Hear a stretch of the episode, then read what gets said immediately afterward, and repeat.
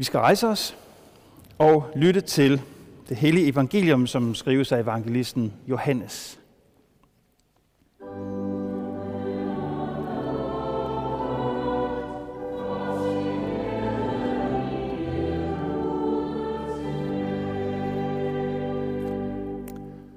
Jesus sagde, Jeres hjerte må ikke forfærdes.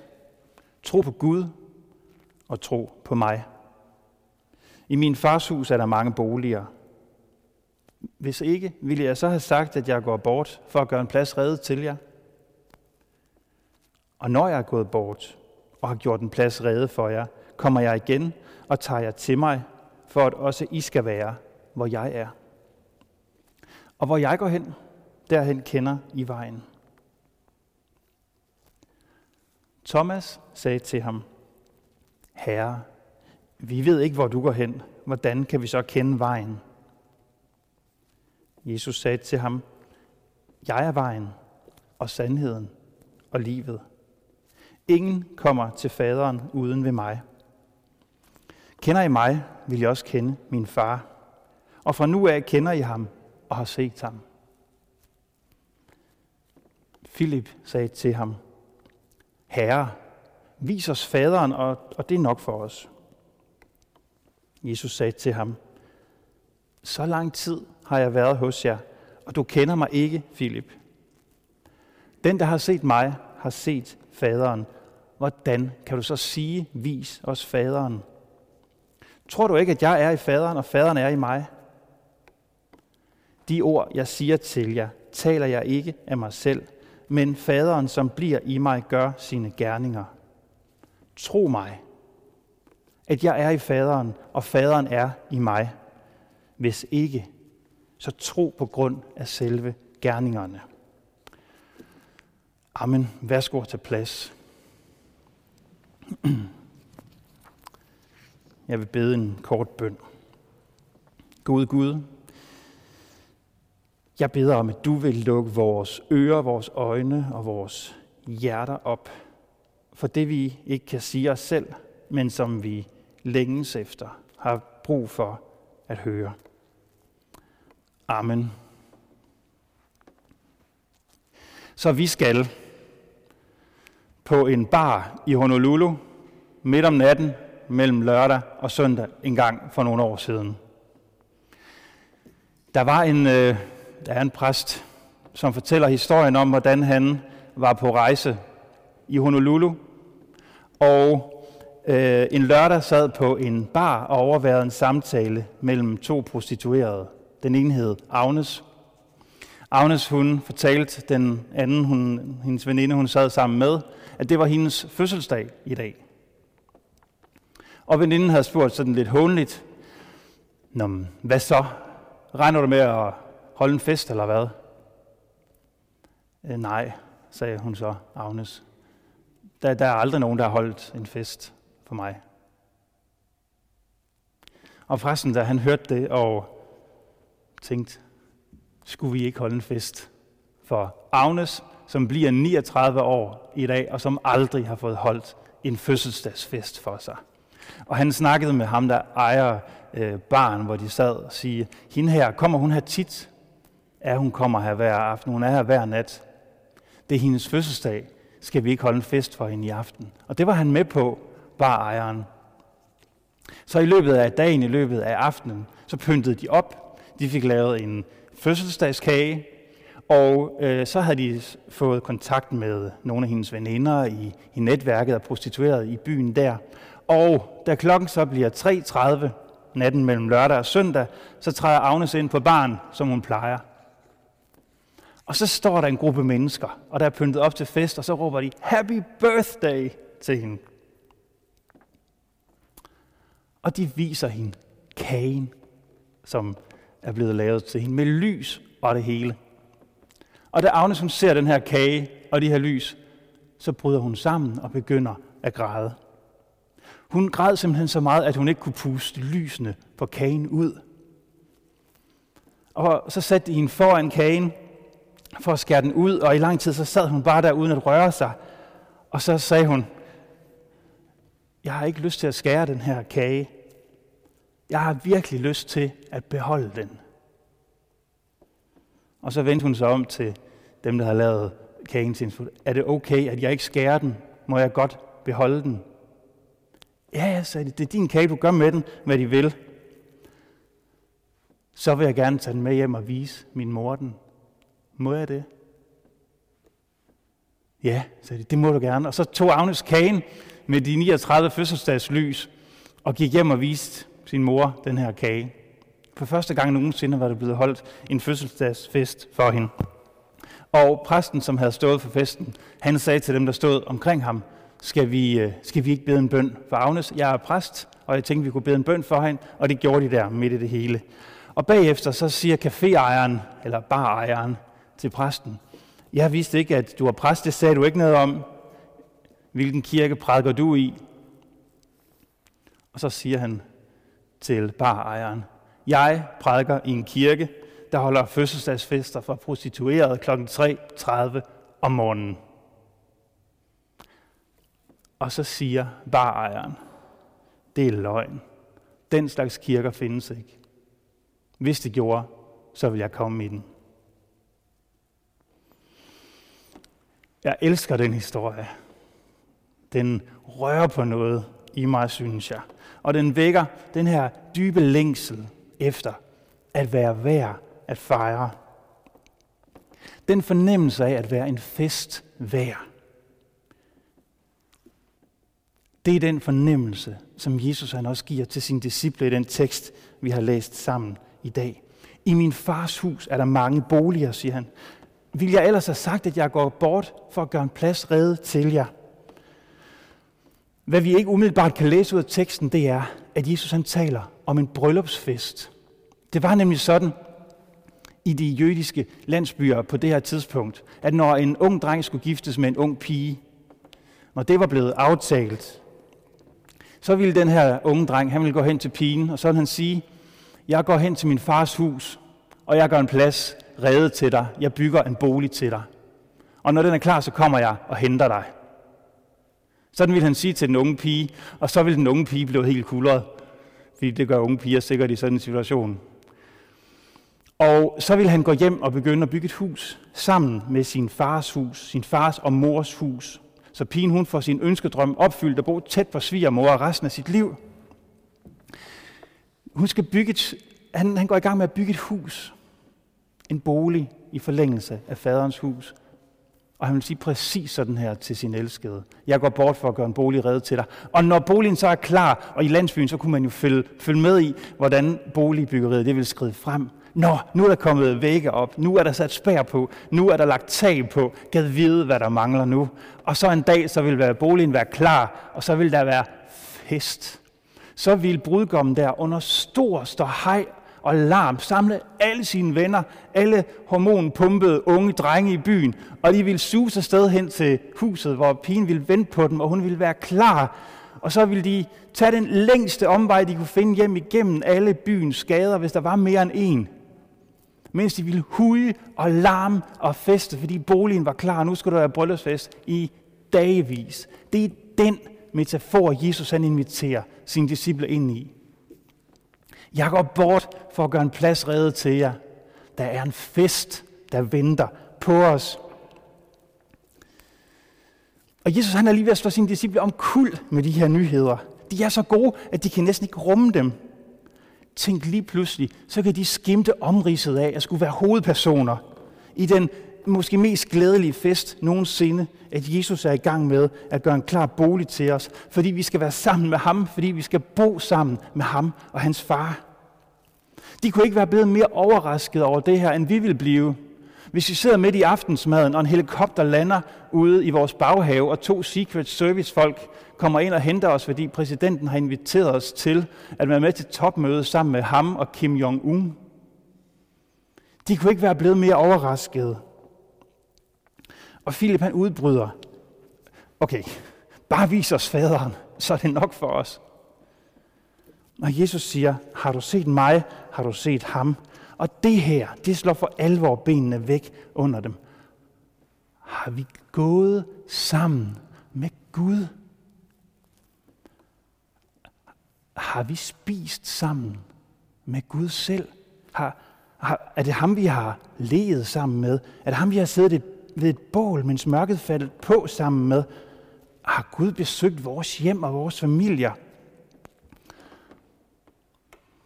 Lad os se, hvad det var, disciplerne de kom fra. Hvad deres forestillinger om troen var. Vi har læst det tidligere. Adam læste det for os, da vi læste om Moses ved den brændende tornebusk. Fortællingen om, hvordan Moses han nærmer sig busken, der brænder, og Gud siger, stop, her til ikke længere. Tag din sko af, du står på hellig jord. Og Moses var bange for Gud. Det var man dengang. Guder var farlige. De var, nogle af dem var direkte ondskabsfulde, de fleste var utilregnelige. Og, og, og Gud siger, stop, træd ikke nærmere, du står på hellig jord. Det var et møde præget af angst. Han måtte ikke komme for tæt på Gud, for så ville han gå til grunde. Templet i Jerusalem, som var centrum for jøderne, var bygget op efter det her. Lidt ligesom kirkerne er det. Se, den ville være bygget op af en række af mure. Yderst, hvor vi har pladsen herude. Det vil være hedningernes foregård. Der var alle velkomne. Så ville der være en mur. Og så var det kun jøder, etniske jøder, der måtte komme et skridt nærmere Gud. Så ville der være endnu en mur. Så måtte, det er jeg ked at sige, så måtte kvinderne ikke komme længere.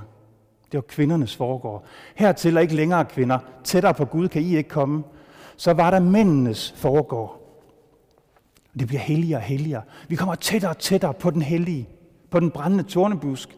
Mændene kan klare lidt mere varme, åbenbart, end kvinderne kunne det. Så de får lov til at komme herop til mændenes foregår. Så kommer vi til det rigtige sted, næsten.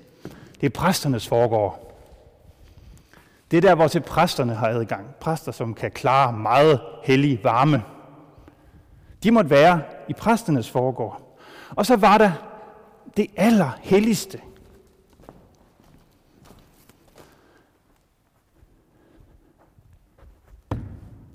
På det sted, hvor Gud var.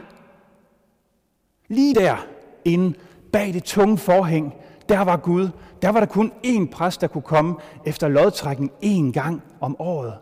Han skulle have klokker i sit, i sit, øh, i sit kjoletøj, så Gud kunne høre, at han var på vej derind.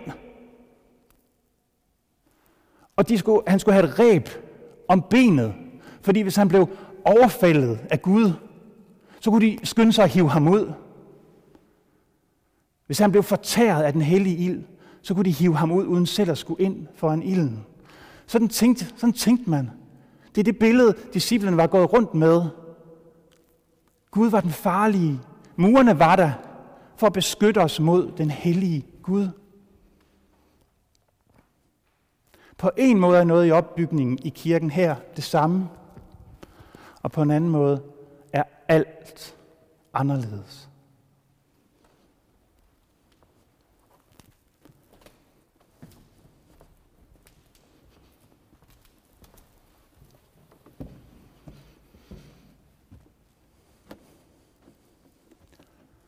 For om lidt, så bliver vi alle sammen inviteret herop.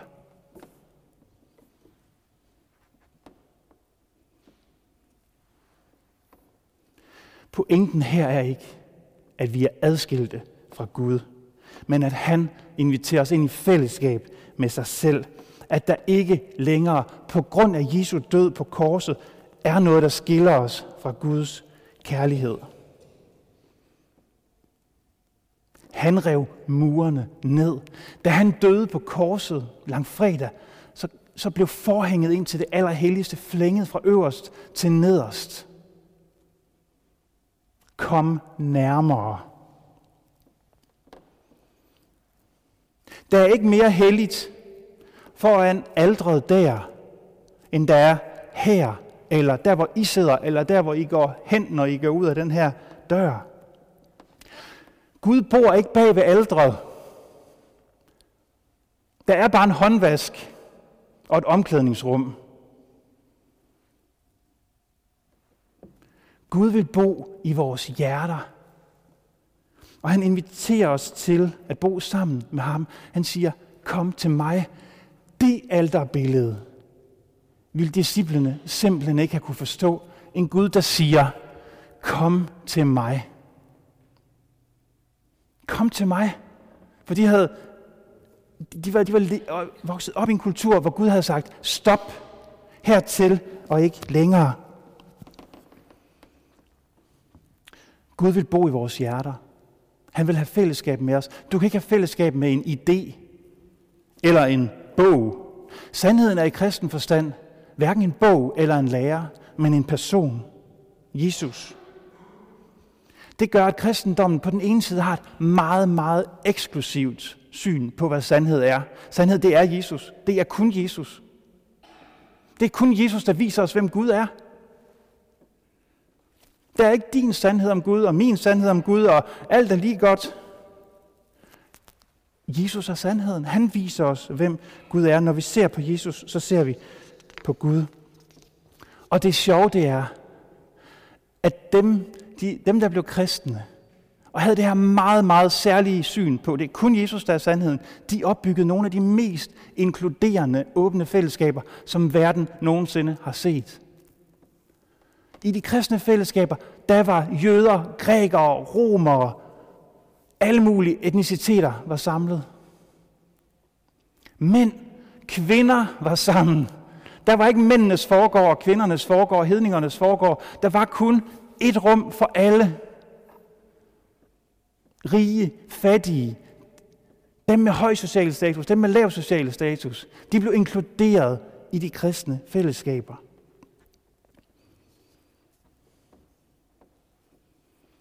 At forkynde Jesus som verdens eneste frelser, det er ikke at være i krig med sin omverden.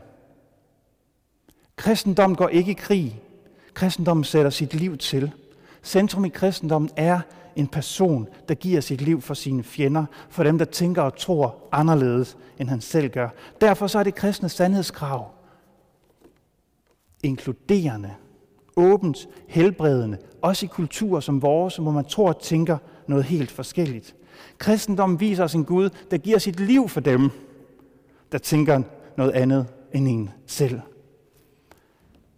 Derfor så holder kirker også fest for mennesker, der tænker og tror anderledes, end de selv gør. Samtidig med, at, de aldrig, at kirken aldrig holder op med at pege på, forkynden, fortælle, tilbede ham, der er vejen, sandheden og livet. Og når kirken er allermest sig selv, så tror jeg, at den holder fester for prostitueret midt om natten. For de kristne fællesskaber, de blev de mest inkluderende fællesskaber, som verden havde set, og som verden stadigvæk har brug for at se. Fordi de fællesskaber ikke er baseret på, hvad du har gjort dig fortjent til, men på, hvad Jesus han har gjort for os alle sammen.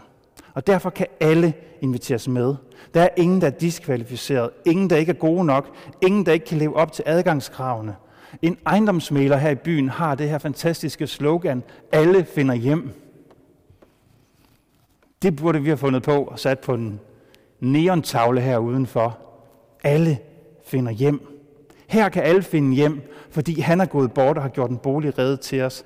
Agnes forventede ingenting til sin fødselsdag. Hun var ikke vant til at blive fejret. Måske er du heller ikke det. Måske har du aldrig følt dig velkommen i en kirke. Måske føler du dig ikke velkommen i et netværk, i en vennegruppe, her i vores by, i vores verden, som er præget af konflikter mellem mennesker, der tror og tænker noget forskelligt, der har vi brug for inkluderende fællesskaber, hvor mennesker de kan samles og fejre hinanden. Og det mest inkluderende fællesskab, verden endnu har set, er det fællesskab, hvor det er Gud selv, der har nedrevet de mure, der skiller os. Ved sin død på korset nedrev Gud muren af fjendskab mellem Gud og mennesker. Og nu lyder det ikke, stop, kom ikke nærmere, nu lyder det, kom til mig. Ved tornebusken, hvor Moses han stod foran ilden, der brændte, så stillede Moses menneskets grundspørgsmål. Hvem er du, Gud? Og på korset, der svarer Gud, her er jeg menneske. Det er sådan her, jeg ser ud. Såret, i tuslået, lidende. Og som den opstandende viser han sine sårmærker til sine disciple og siger, I skal kende mig på mine sårmærker. For kristendommens centrum er ikke en idé, eller en lærer, eller en bog, men en person. Og vi må godt stå på hellig jord. Vi må flytte ind hos ham, for han flytter ind hos os. Han er hovedjørnstenen i verden.